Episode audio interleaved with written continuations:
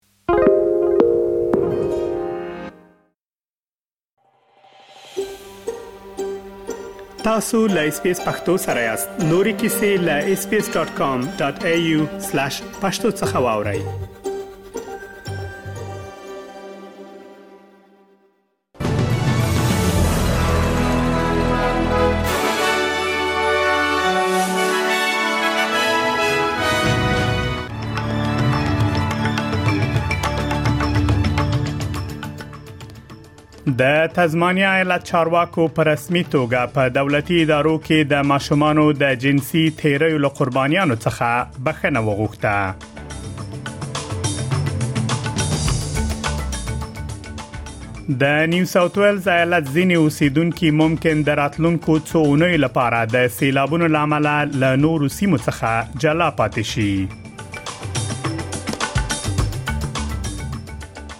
د نړۍ تر ټولو شتمن شخص ایلن ماسک له امریکایانو غوښتي دي چې په منځمهاله ټاکنو کې جمهوریت غوښتونکو ته رائے ورکړي او ټاکل شوی ترڅو سبا د پاکستان او نوي زیلند لوبډلو ترمنځ د کرکټ لومړنۍ نیمه پایلوبه تر سره شي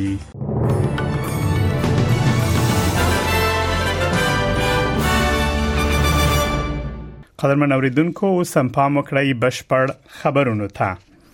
د تزمانیا ایالت چارواکو په رسمي توګه په دولتي ادارو کې د ماشومانو د جنسي تیریو له قربانیانو څخه بخښنه وغوښته د تزمانیا ایالت مشر جیمری راکلیف نن د دغه ایالت د پارلمان غړي غونډې ته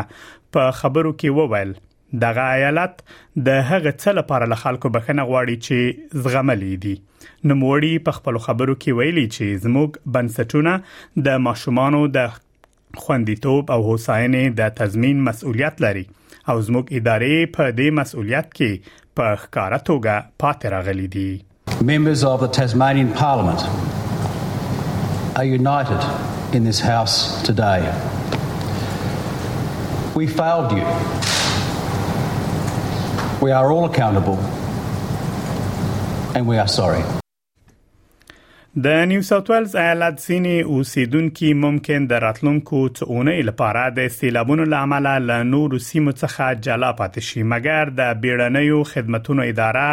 خپل ملاتړ ته دوام ورکوي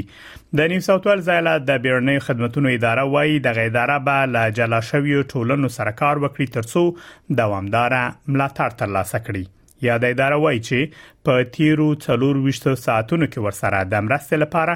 200 او یا اړیکې نیول شوې دي څو ورځې وړاندې د نیو ساوث ویلز ایالت د بیړنیو خدماتو وزیر سټیف کوک ویلي و چې خطر تر اوسه پای ته نه دی رسیدلی نو موري ویلي و حتی که تاسو په داسې یو ټولنه کې یاستئ چې تاسو کور له ډوبېدو سره مخ نه دی تاسو ممکن په اوسنی وخت کې د سیلابونو د اوبو زیاتوالي او سړکونو د بندیدو لامل له نور څخه جلا پاتې شئ Whilst the weather conditions are easing for a short period of time right across New South Wales, the flood risk has not. Uh, so even if you are in a community where you are not at risk of inundation for your own home, uh, you may very well become isolated with rising floodwaters uh, cutting roads uh, right across New South Wales at the present. د حکومت مخالفو ګوندونو ائتلاف وایي کچېرې د وکټوري ایالت راتلونکي ټاکنې وګټي نو د شپټن سیمې شاوخوا ته به یو نوی سړک جوړ کړي ائتلاف د دغه پروژې د لومړي پړاو د بشپړولو لپاره د 260 میلیون ډالر مرستې ژمنه کړې مګر وایي چې د پروژې د نورو د نورو پړاونو او د پروژې د بشپړولو لپاره به د مرکزی حکومت مرستې ته اړتیا ولري دغه سړک به د شپټن او مورپینا خارګوټي سره وتړي د دواړو خارونو ترمنځ یوازنی یوازنی لار د تیر میاشتې سیلابونو په جریان کې د څو ورځو لپاره اوبو لاندې شوې و په وکټوريا ایالت کې د نېشنل ګوند مشر پیټر والش وایي دا ثابتوي چې ټولنه د لوی سین په اوګدو کې بل لار ته اړتیا لري د استرالیا د مهاجرت وزیر له ټولو هغو مهاجرو کارګران غواړي ترڅو خپل غږ پورته کړي چې په دغه هیواد کې له استحصال سره مخ دي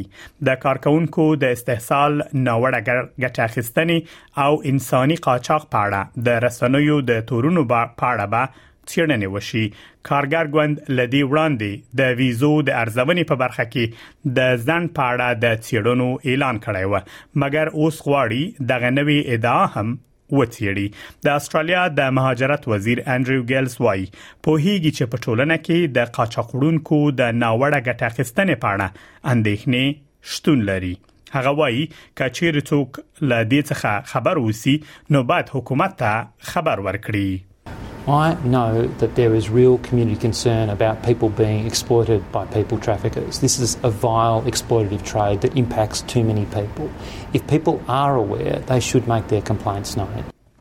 د افغانستان پخوانی ولسمشر حامد کرزي په پا پاکستان کې د سلګونو افغانانو پر نیولو خواشینی څرګنده کړې ده د راپورونو لمخې د پاکستان د سند ایالت پولیسو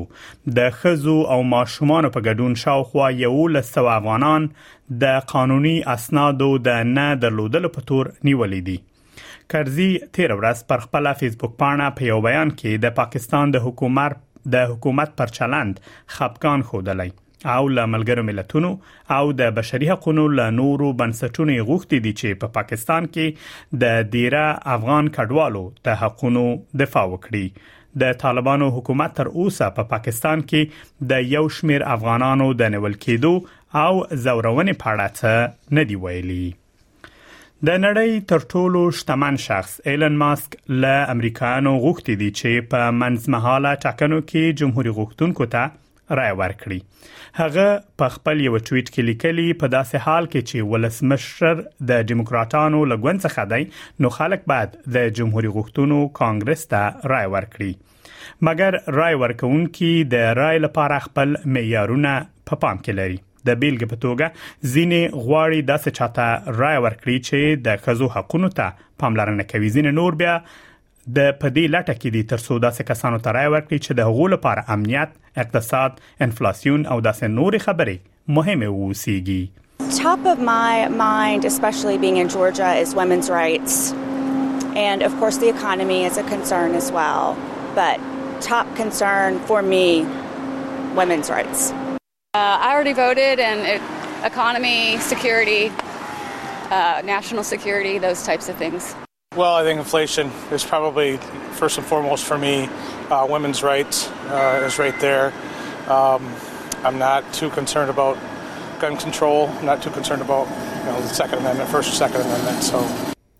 ټاکل شوی ترڅو سبا د پاکستان او نوي زیلند لوبډلو ترمنځ د کرکټ لومړی نیمه پایلوبه تر سره شي تر هغه وروسته د پنځمې په ورځ د هند او انګلستان لوبډلو ترمنځ دویمه نیمه پایلوبه تر سره کیږي د دغو دواړو لوبډلو ګټونکي به لوبو ګټونکي به پایلوبه ته لار پیدا کړي چې پایلو به د یک شنبه په ورځ چې د نومبر د 13 نیټه ده د شلوریز جام ورستۍ لوبه تر سره کیږي د روان کال په سیالیو کې د افغانستان ملي لوبډلې هم ګډون کړی و د افغانستان لوبډلې دوه لوبې د باران د ورخ لامل لغوه شوې او درې نورې لوبې بایلولې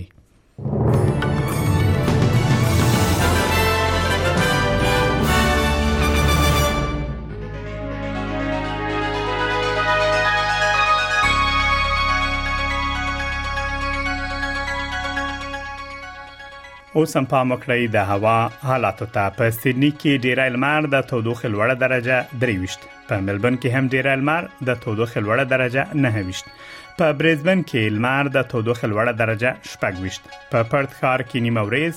د تودوخې لوړه درجه 23 په اډلیډ کې ورځ او باران د تودوخې درجه 22 په داروین کې باران د تودوخې لوړه درجه 14 په کانبرا کې لمر د تودوخې لوړه درجه 24 په نیوکاسل ښار کې ډیر لمر د تودوخې لوړه درجه 15 او له استرالیا څخه بهر په کابل کې ډیری وریز د باران امکان شته د تودوخې لوړ درجه 12 او ټیټه 4 په پیښور کې هم نیو وریز او د باران امکان شته د تودوخې لوړ درجه 15 او ټیټه 15 دا هم د استرالیي ډالر پر وړاندې د نورو اسعارو بیه د استرالیا یو ډالر 15 پېته امریکایي سنټه یو استرالی ډالر 15 شپېته یورو سنت او شپږ 50 بریټانوي پنسه د استرالی او ډالر 250 هندیو کلدارو او یو سلو درې څلويختو پاکستانیو کلدارو سره برابرېږي او د استرالیا یو ډالر و 50 افغانۍ کېږي خبرونه همدومره و لاملتیا مو مننه کوم